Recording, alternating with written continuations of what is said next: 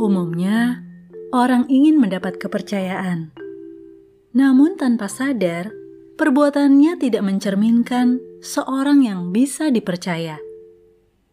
Kepercayaan bisa didapat ketika seseorang menjalani sebaik mungkin dalam kesempatan yang diberikan. Sebaik mungkin bukan berarti harus sempurna, tanpa celah. Namun dapat terlihat bagaimana upaya seseorang bersungguh-sungguh melaksanakan apa yang sudah dipercayakan melalui kesempatan yang diberikan.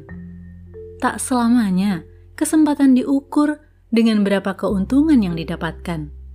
Justru, kemurnian karakter seseorang dapat terlihat kala ia tetap melakukan yang terbaik walau tak mendapat imbalan.